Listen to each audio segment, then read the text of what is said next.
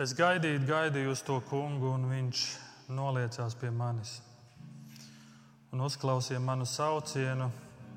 Viņš man izvilka no ciešanu bedres, no dubļainām dūņām un cēla manas kājas uz cietas klints.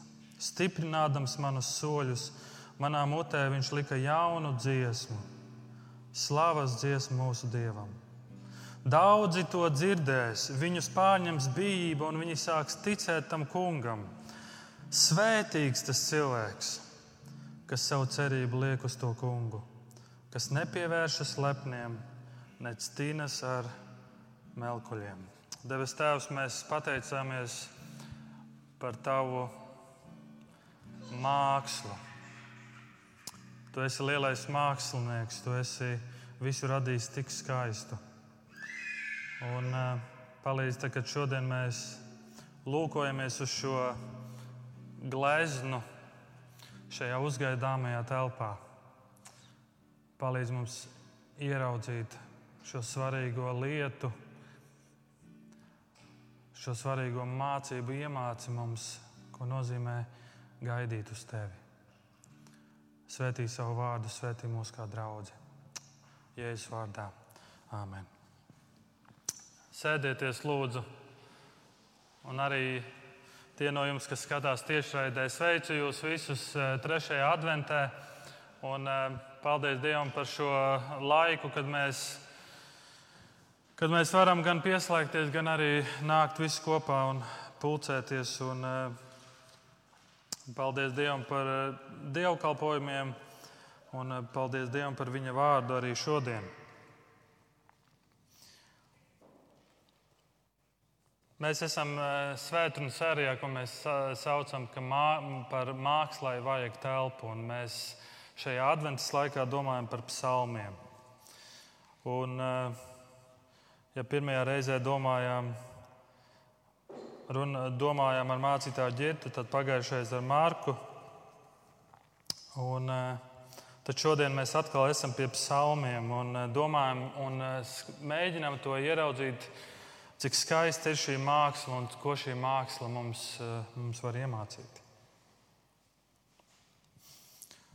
Es atceros eh, bērnībā, kad es biju mazs, mēs ar mammu braucām uz Latviju. Mēs braucām ar autobusu, un es atceros, ka autobus bija Ikarus ar mīkstajiem krēsliem. Bija ziema. Un tajā laikā bija ziema, bija tāda ziema, kad tāds sniegs bija apkārt, tādas kupenes.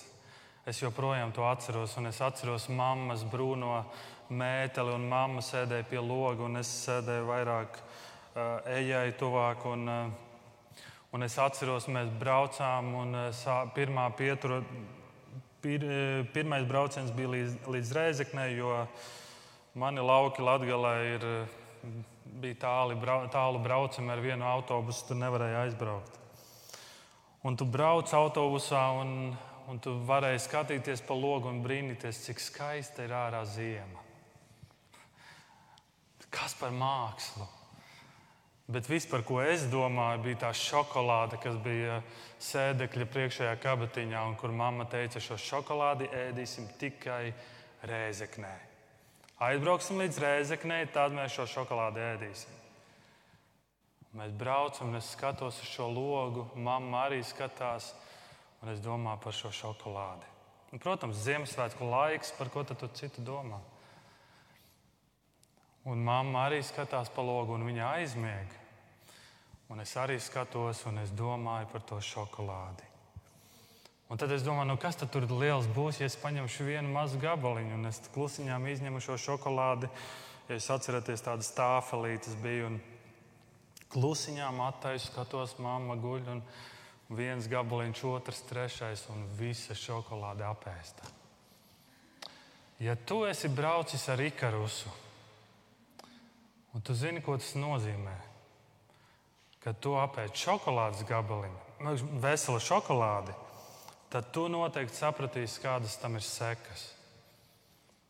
Sekas bija tādas, ka autobus bija jāaptur, jo vienam bērnam palika tik slikti, ka viss sliktums izgāzās uz mammu un mammas jaunais mētelis bija viss ar maniem sliktumiem. Nācās apstāties, izkāpt ārā, labi, ka bija ziema, jo tas aizstāja ūdeni un mēģināja notīrīt visu sliktumu. Tāds bija mans gaidīšanas, jeb nespējas sagaidīt rezultāts. Un es patiesībā neesmu sastapis nevienu, kuram patiktu gaidīt. Kuram no mums patīk gaidīt? Bet lielāko daļu no savas dzīves mēs to darām. Mēs gaidām. Mēs gaidām telefonu zvanu, mēs gaidām, ka tā paciņa, paciņa no AliExpress beidzot atnāks. Mēs gaidām atvaļinājumu, mēs gaidām doktora vizītes, mēs gaidām veikalu rindās. Mēs gaidām jau no bērna kājas, mēs gaidām Ziemassvētkus, mēs gaidām dāvanas, mēs gaidām. Bet reizot, reizēm mēs sastopamies ar lielām sāpēm. Mēs gaidām, kad pāries sāpes, kas iespējams ir regulāras. Mēs gaidām, kad varēsim atdot parādus, kad beidzot sarežģītās attiecības atkal tiks salabotas. Mēs ilgojamies pēc izmaiņām valstī, vadītājos, darba vietās, skolās. Mēs gaidām izmaiņas savā sirdīs. Un mēs visbeidzot gaidām, kad šī pandēmija beigsies. Vai ne? Kurš no jums gaida? Paceliet roku. Mēs visi gaidām. Romiešiem 8. nodaļā, 19. pants arī visa radība ilgodamās gaida, kad Dieva dēlē atklāsies godībā. Visa radība ilgodamās gaida.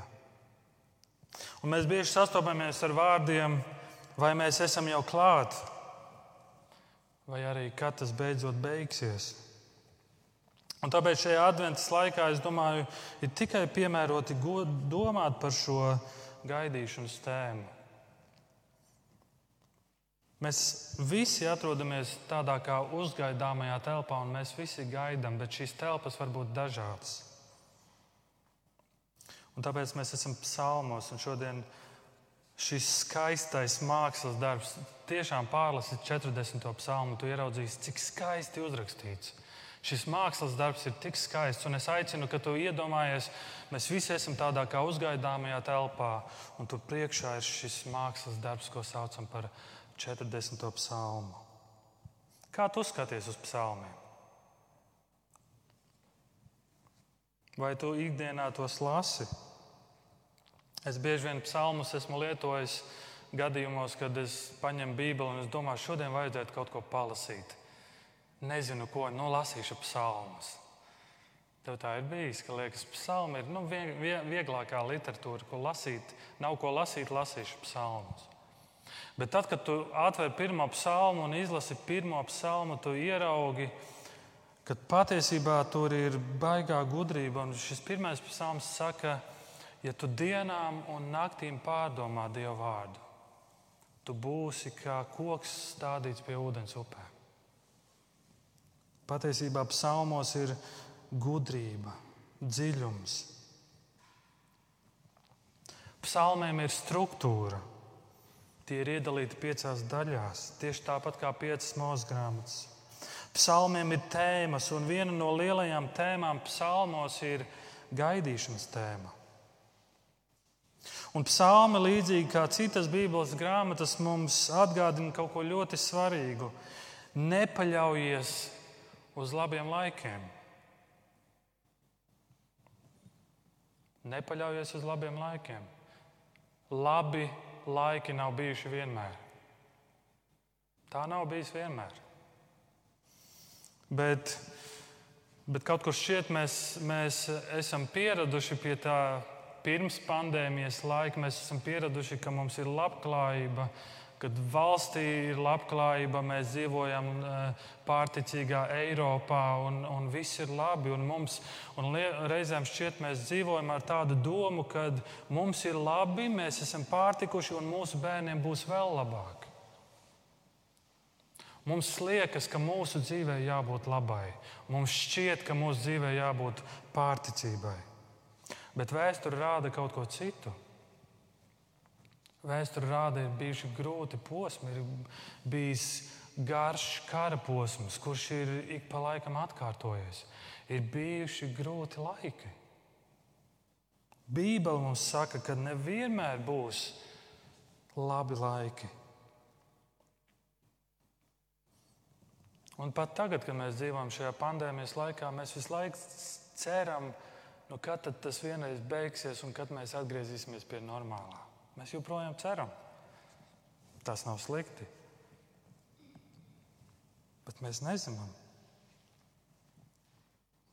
Un tāpēc Bībelē ir šī atslēgas tēma vai prasme, kas mums palīdz pārvarēt grūtus laikus.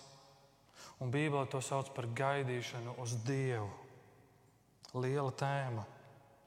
Un mēs kristīgajās aprindās bieži vien lietojam šos vārdus.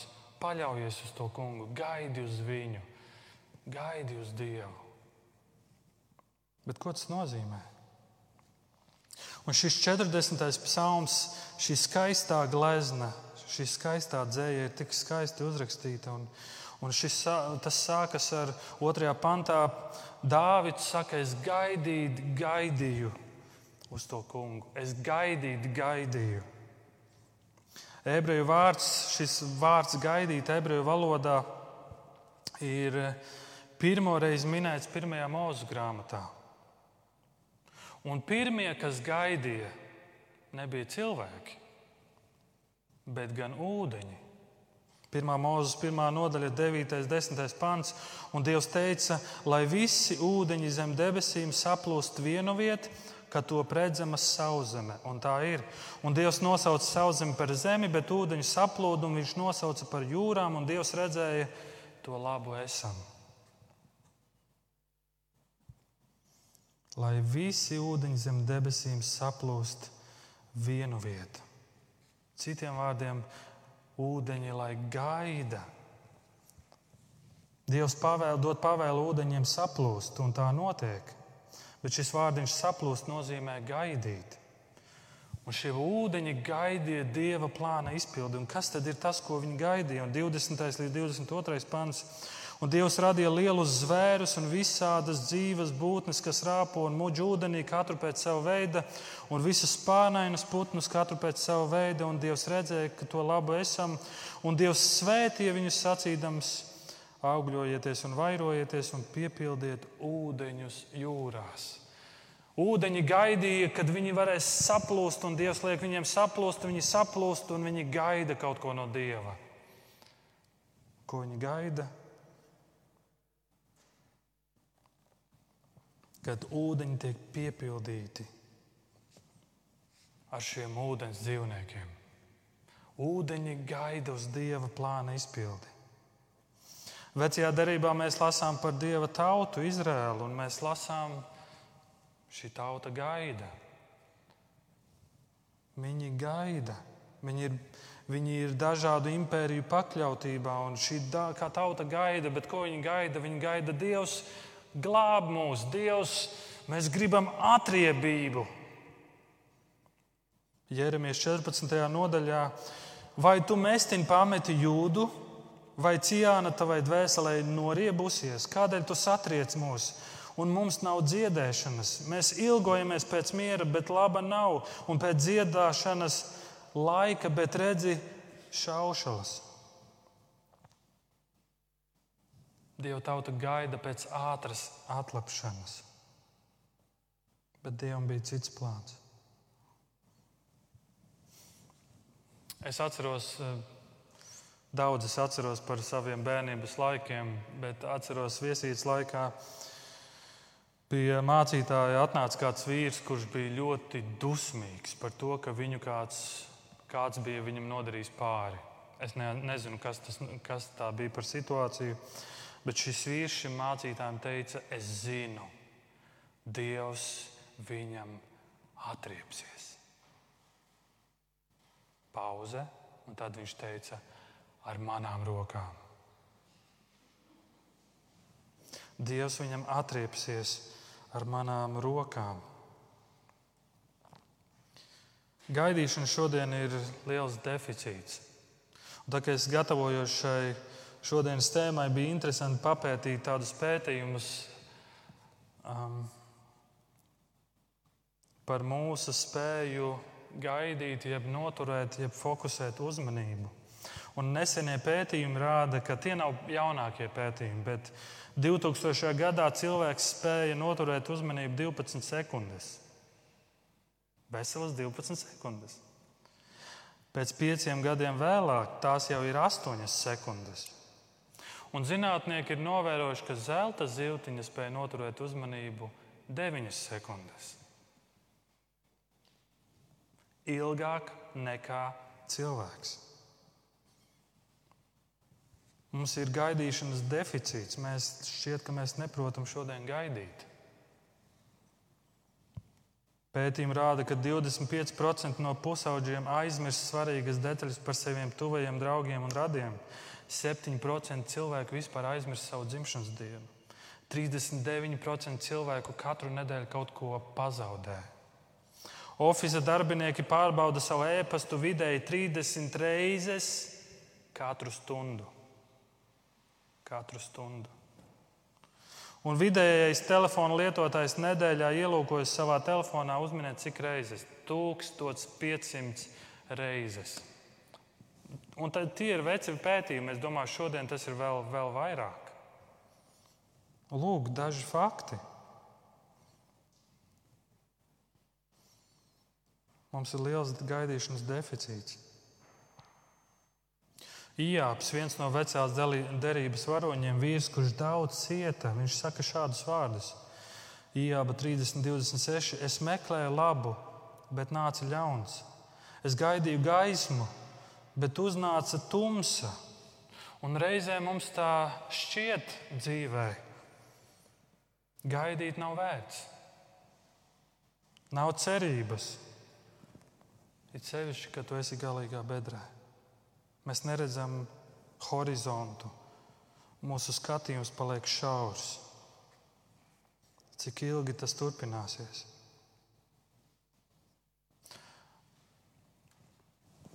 Bet 37. psalms saka šādus vārdus: Gan ļaundari tiks iznīdēti, bet kas gaida kungu, tas mantos zemi. Vēl drusku, un ļaundaru nebūs. Tu prasīsi, kur viņi ir un viņu nav, bet pazemīgie mantos zemi un baudīs mieru pa pilnam. No 37. psalma sākas šī tēma gaidīšana.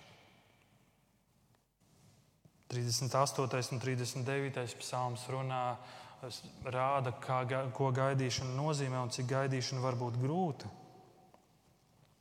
Bet ko tad nozīmē šis vārdu salikums? Gaidīt uz Dievu. Un skatoties uz šo skaisto glezno, es gribu runāt par, gribu, lai vieglāk mums atcerēties, runāt par piecām lietām. Ko nozīmē gaidīt uz Dievu? Kā mēs varam gaidīt, kā gaidīšana izskatās? Un pirmā lieta - pacietīgi, skatoties, paklausot, meklējot, priecājoties. Pacietība, skatīšanās, paklausība, meklēšana un prieks. Gaidīt nozīmē nepadoties. Nesi noraizējies, esi pacietīgs. Psalms 40. saka, mēs lasījām, es gaidīju, gaidīju uz to kungu, un viņš noliecās pie manis un uzklausīja manu saucienu. Es gaidīju, gaidīju. Tu redzi šo pacietību šajos vārdos. Es, gaidi, es esmu gaidīšanā, un kamēr es gaidu, es gaidīju. Cik spēcīgi izteikta forma. Pacietīga gaidīšana nu, reizēm nozīmē paliec uz vietas, nekusties. Un reizēm tas nozīmē, esi neatlaidīgs, nepadodies. Un daudzi varētu teikt, tev viegli teikt, Tev viegli runāt, bet man nav pacietības. Bet kā veidojas pacietība? Un šajā pašā psalmā, 5. pantā, Dārvids saka, svētīgs tas cilvēks, kas savu cerību liek uz to kungu, kas nepievēršas lepniem. Pacietība saistās ar pazemību. Pacietīgs cilvēks ir pazemīgs cilvēks. Jēkabā 4. nodaļā Jēkabs saka šādus vārdus: Tad nu redzi, jūs, kas sakāt, šodien vai rīt mēs dosimies uz tādu un tādu pilsētu, pavadīsim tur gadu, tirgosimies un gūsim peļņu. To sakāt jūs, kas nezināt, kas notiks rīt. Kāda tad būs jūsu dzīve? Jūs esat dūmi, kas redzam īsu brīdi un tūlīt pat gaist. Tā vietā, lai jūs sacītu, ja kungs gribēs, tad dzīvosim un darīsim tā vai citādi. Jūs savā augstprātībā lielāties, bet tik viena tāda lielīšanās ir ļaunums. Ko Jēkabs saka?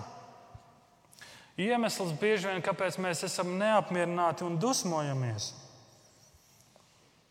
ir tāpēc, ka apstākļi mums, lietas mums apkārt nenotiek tā, kā mēs to vēlamies. Kāpēc mēs dusmojamies? Tāpēc, ka mēs esam pārliecināti, ka mēs zinām, ir jānotiek šim vai šim. Ir jānotiek X vai Y. Tad viss būs kārtībā. Bet Jēkabs saka, bet, bet jūs nezināt. Pacietība nāk no atziņas, ka mēs visu nezinām. Un tāpēc Dievs bieži vien mūsu dzīvē sūta pārbaudījumus. Jēkabā pirmā nodaļa ik reiz, kad pār jums, mani brāļi, nāk dažni dažādi kārdinājumi, uzņemiet to ar vislielāko prieku, saprastami, ka jūsu ticības pārbaudīšana rada izturību. Ko nozīmē gaidīt uz Dievu? Pirmkārt, tas nozīmē gaidīt pacietīgi. Esi pacietīgs. Ijāps 23. nodaļā mēs lasām šādus vārdus: Manis ieturamo ceļu viņš zina itin labi, un ja viņš mani pārbaudītu, es tiktu atrasts zeltam līdzīgs.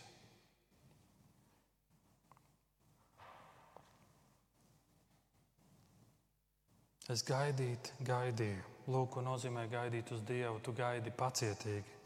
Otrā lieta, kad mēs skatāmies uz šo skaisto gleznu, ko mēs varam mācīties, gaidīt uz Dievu nozīmē skatīties. Ko es ar to domāju? Ir svarīgi, kāds ir mūsu skatījums uz lietām, īpaši, kad esam tumšā, uzgaidāmajā telpā. 40. psalms mums māca, cik svarīgi ir skaitīt tās svētības, ko esam jau piedzīvojuši.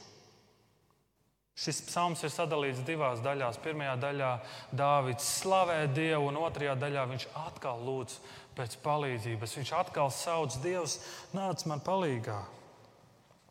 Bet šajā psalmā Dārvids atcerās to, ko Dievs ir darījis. Es gaidīju, gaidīju, un tu uzklausīji. Viņš man izvilka no ciešanu bedres, Sestais pants saka, lieli ir tavi darbi, kad pūlos tos izteikt un pasludināt. Es nespēju tos saskaitīt.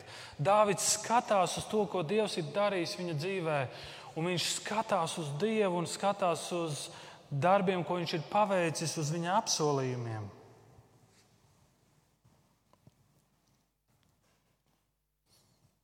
Kad mēs gaidām, bet neskatāmies uz Dievu, un mēs domājam, ka visam ir gals, kad Dievs mūs ir atstājis, tad vai nu iestājas panika, vai nu arī mēs sākam ķerties pie tādām lietām, ko piedāvā pasaule, bet ne Dievs. Tad, kad mēs gaidām, mums vajadzīgs laiks domāt. Dāvids skatās uz Dieva paveiktajiem darbiem. Viņš iespējams atcerās Izraēla tautas vēsturi, ko Dievs ir darījis, kā Dievs ir izglābis. Gaidīšana nav pasīva sēdēšana un nekā nedarīšana. Gaidīšana ir aktīva. Mēs skatāmies uz viņu, mēs meditējam. Ja vārds meditēt tev nepatīk, tad mēs domājam, mēs pārdomājam, mēs saucam uz viņu, mēs domājam par viņa vārdu, mēs skaitām svētības, mēs salīdzinām. Romiešiem 8,18 Pāvils salīdzina. Viņš saka, es domāju, ka šī laika ciešanas ir nenozīmīgas tās nākamās godības priekšā, kas mums tiks atklāts. Pāvils saskaras ar ciešanām, bet viņš saka, ka šīs ciešanas ir nenozīmīgas salīdzinājumā ar to, uz ko es ceru, uz ko es gaidu.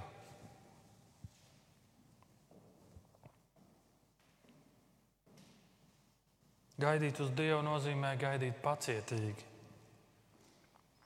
Gaidīt uz Dievu nozīmē skatīties uz Viņu. Tā ir aktīva darbība. Mēs skatāmies, mēs, mēs gaid, es gaidīju, gaidīju. Es gaidu glābšanu no tevis, es gaidu risinājumu.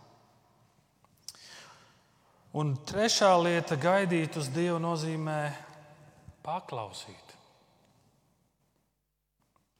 7. līdz 9. pants kaujamie upuri un ēdamais upuris tev nepatīk, taču ausis tu man esi devis dzirdēt.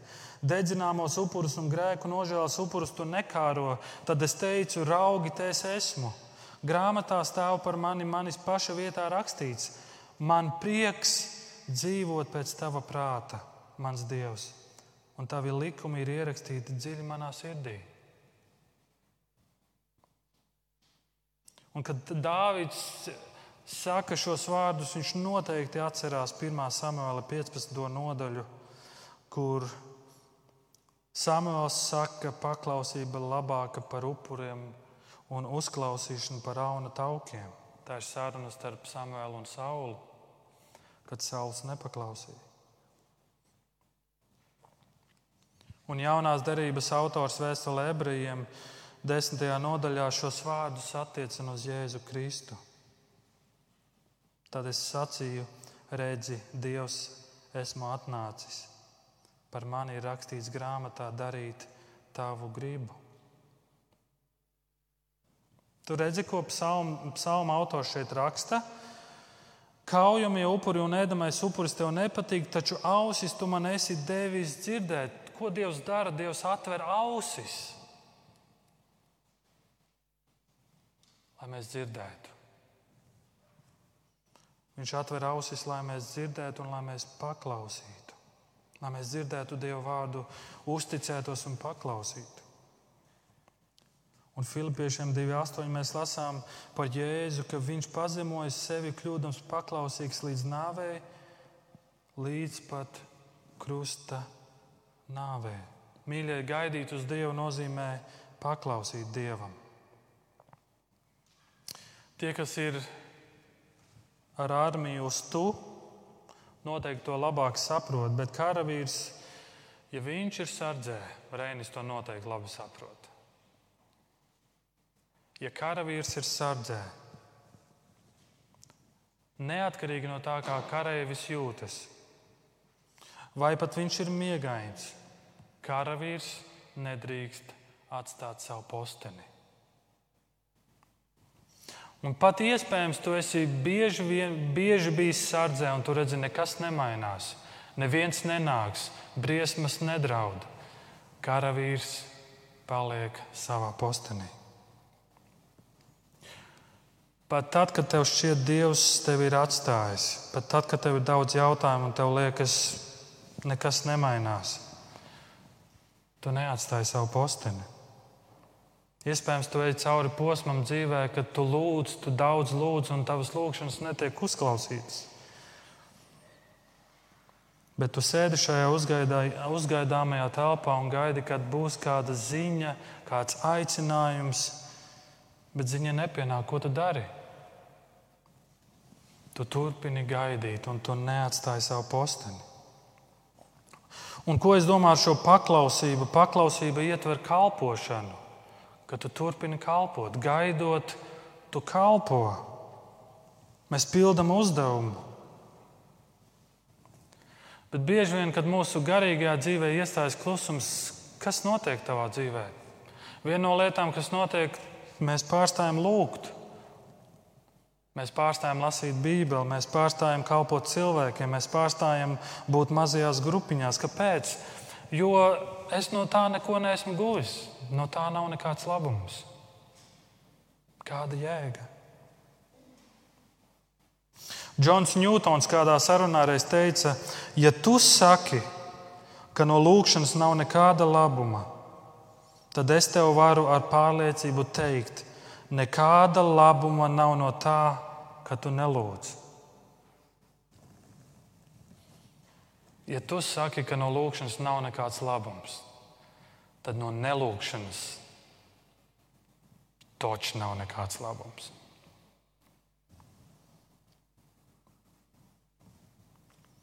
Gaidīt uz Dievu nozīmē paklausīt. Paklausīt un gaidīt uz viņa apsolījumiem. Gaidīt uz Dievu nozīmē būt pacietīgiem, skatīties uz viņu, paklausīt. Un kā ceturtā lieta ir meklēt viņu. Kad mēs gaidām uz Dievu, mēs turpinām viņu meklēt. 17. pantā, 40. psalmā mēs lasām, lai gavilē un priecās par tevi visi, kas tevi meklē. Un tie, kas ilgojas pēc tavas pestīšanas, lai vienmēr saka, liels ir tas kungs. Kad tu gaidi, meklē viņu. Un, ja psalmi ir tavā ikdienas lasījumā, tad tu noteikti pamani, kā šie psalmu autori iet cauri grūtiem brīžiem, un viņu izsaukumi ir: Dievs, es gaidu uz tevi, es tevi meklēju, Dievs, izglāb mani, Dievs, palīdzi, kur tu esi. Es vēlos tevi redzēt, es tevi meklēju, es tevi meklēju. Tu redzi šo saucienu, Dievs, es gribu tevi iepazīt. Es gribu tevi iepazīt. Nemeklē to, ko Dievs tev var dot, bet meklē viņu pašu. Ieba grāmatas pašā sākumā mēs lasām par sarunu starp Sātanu un Dievu. Un Sātans atnāk un saka, tas tavs kalps Iebs. Tu viņu vienkārši tu esi sēto, viņu uzbūvējis un apbēris ar svētībām. Tas ir iemesls, kāpēc, viņu, kāpēc viņš tevi pielūdz, kāpēc viņš tev kalpo. Jo apsies, kā tu viņu esi svētījis. Un Dievs pieļauj, Dievs dod atļauju sātanam to visu paņemt prom. Un sātans domā, ah, tad, kad to visu paņems prom, jāapsvairs Dievu nepielūgs. Bet Jānis turpina pielūgt Dievu. Viņš sauc uz Dievu, viņš meklē.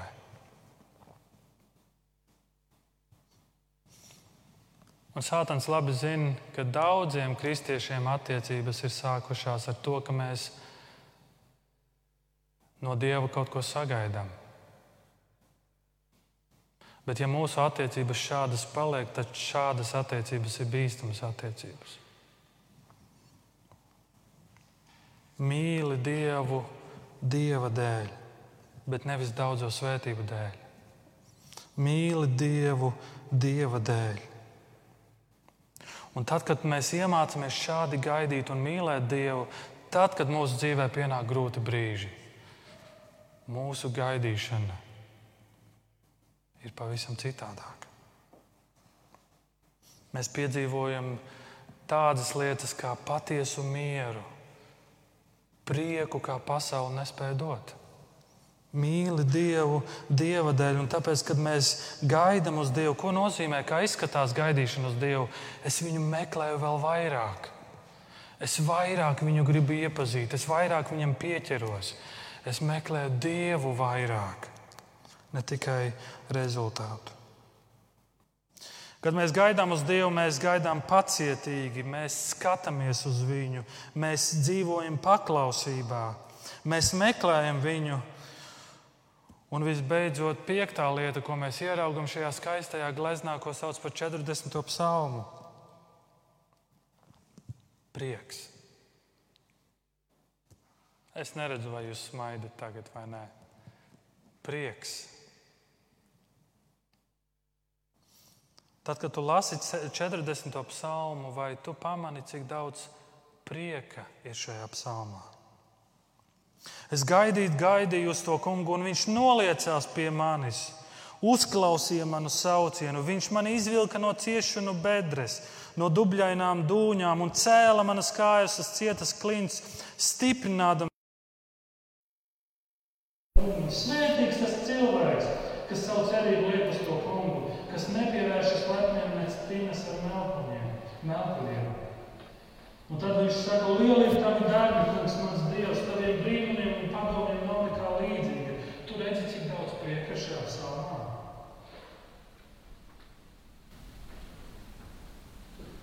Prieks nenozīmē, ka tu staigāsi apkārt un vienkārši visu laiku smaidīsi. Bet prieks nenozīmē, ka tu arī nesmaidīsi.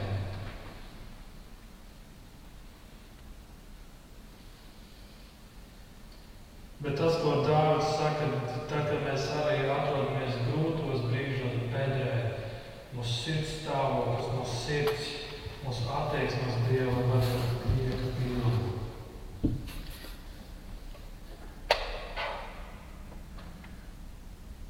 Cik skaisti uzrakstīts, es gaidīju, gaidīju, un Dievs noliecās. Kad Dievs noliecas, mēs tiekam viņu, un tas ir mūsu prieks. Un šis prieks, ko Dievs dod mums, mēs šajā psalmā redzam, šis prieks ir svētība mums, bet tas nepaliek tikai pie mums. Viņš šo prieku dara vēl lielāku. Manā mutē viņš lika jaunu dziesmu, slavas dziesmu mūsu dievam.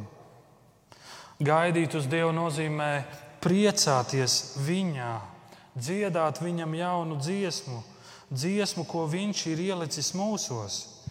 Tu zināji, ka Dievam patīk dziedāt.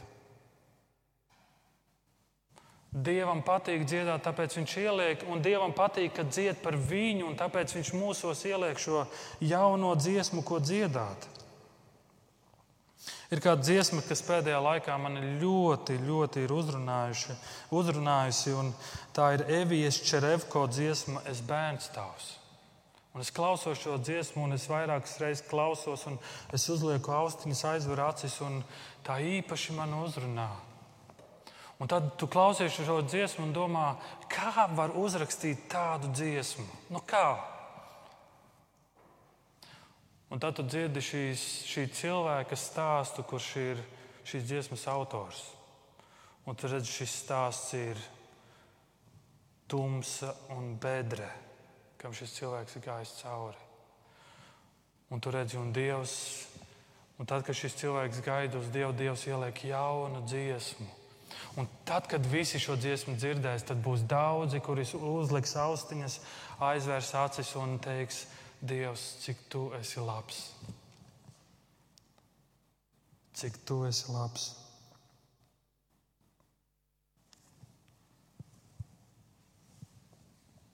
Kāpēc Dievs to dara? Kāpēc Viņš liek šo jauno dziesmu?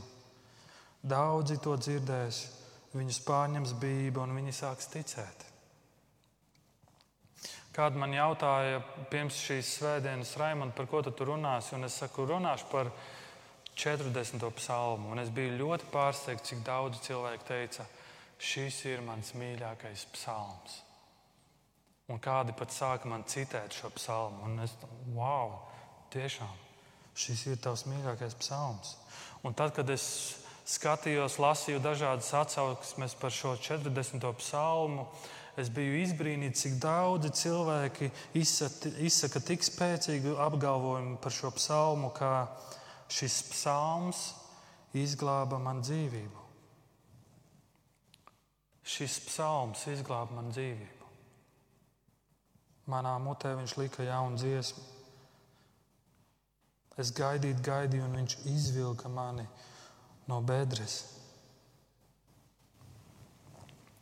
Šodien šis psalms ir veca dziesma, bet tad Dāvidam tā bija jauna dziesma. Un ziniet, kas ir pārsteidzoši skaisti, kad es redzu, ka mēs varam būt liecinieki tam, ka šis, šī vecā, jaunā dziesma joprojām šodien izmaina cilvēku dzīves. Cilvēks saka, šis psalms izmainīja man dzīvi, šis psalms man izglāba. Kad cilvēki to dzird, viņi sāk ticēt. Cik skaisti ir redzēt, kad cilvēks sāk ticēt. Reizēm liekas, kā tādā Ziemassvētku filmā, kur ir. Esat redzējuši to jingle, jangle, tādu filmu, kur izgudrotājs izgudro robotiņu, bet šis robotiņš nedarbojas, tāpēc ka viņš pārstāja ticēt. Un tad, kad viņš sāk ticēt, šis robotiņš sāk darboties un pat lidot un, un runāt un tā tālāk. Iesējas 40, 31 rakstīts, bet kas cer uz kungu, atgūs spēku, ceļas spānos kā ērgļi, skrej un nepiekūst.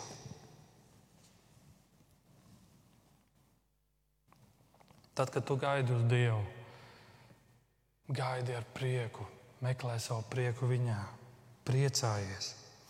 Lūkas 12. nodaļā Jēzus saka šādus vārdus: Lai jūsu gurni ir apjosti un jūsu lāpas degošas. Esiet līdzīgi cilvēkiem, kas gaida savu kungu no kāzām pārnākam, lai to daļu tam atvērtu, kad tas nāks un klauvēs. Laimīgi tie kalpi, kurus kungs pārnācis atradīs nomodā. Patiesi es jums saku, viņš apjozīs priekšautu un nosēdinās tos un apstaigādams visus apkalpos. Cik spēcīga līdzība, ko saka Jēzus. Viņš saka, tie kal, laimīgi, svētīgi tie kalpi, kas gaida kungu pārnākam, jo tad, kad kungs atnāks, viņš atstās visu, un viss fokus būs tikai uz mums. Un ko viņš darīs? Kā 23. psalmā lasām, viņš uzklās galdu. Un viņš rūpēsies par to, lai mums ir labi, lai mums ir prieks. Šī līdzība, šī doma par to, ka kungs nāks un darīs visu, lai mums ir labi. Vai par to nav Ziemassvētki, par šo, par šo ko Dārvids saka, viņš noliecās pār mani. Viņš uzklausīja manu saucienu. Kad mēs gaidām uz Dievu, mēs gaidām pacietīgi. Mēs gaidām pacietīgi. Kad mēs gaidām uz Dievu, mēs skatāmies uz Viņu. Kad mēs gaidām uz Dievu, mēs paklausām Viņam. Kad mēs gaidām uz Dievu, mēs meklējam viņu un, un mēs dzīvojam šajā priekā, ko mēs esam atraduši viņā. Tad, kad tu esi atradis prieku Dievā, tā ir tava motivācija šo prieku dalīt citiem. Prieks ir misijas iesākums. Tad, kad tu esi atradis šo prieku, Prieks par to, ko Dievs ir darījis, prieks par viņa glābšanu, prieks par to, kā Dievs ir izmainījis manu dzīvi. Lūk, ko nozīmē gaidīt uz Dievu. Tā nav pasīva sēdēšana. Un arī šodien mēs, mēs draugi kā tādi ūdeņi, kas esam sadalīti. Mēs gaidām. Mēs gaidām, kad mēs atkal varēsim būt kopā. Mēs gaidām, ka Dievs joprojām turpinās darīt lielas lietas caur mums. Mēs gaidām. Bet, kad mēs gaidām, gaidām pacietīgi. Mēs skatāmies uz viņu, vienmēr vēršam savu skatu uz viņu, mēs, mēs meklējam viņu. Mēs, mēs slavējam ne tāpēc, ka tagad ir viegli, bet gan tāpēc, ka nākotnē ir krāšņa. Mēs slavējam viņu ne tāpēc, ka tagad ir viegli, bet tāpēc, ka nākotnē ir krāšņa. Un es aicinu, ka tu arī šajā svētdienā šodien atrod laiku, lai pārlasītu šo psalmu. Cik skaisti ir uzrakstīts. Gaidīt, gaidīt. Un viņš noliecās par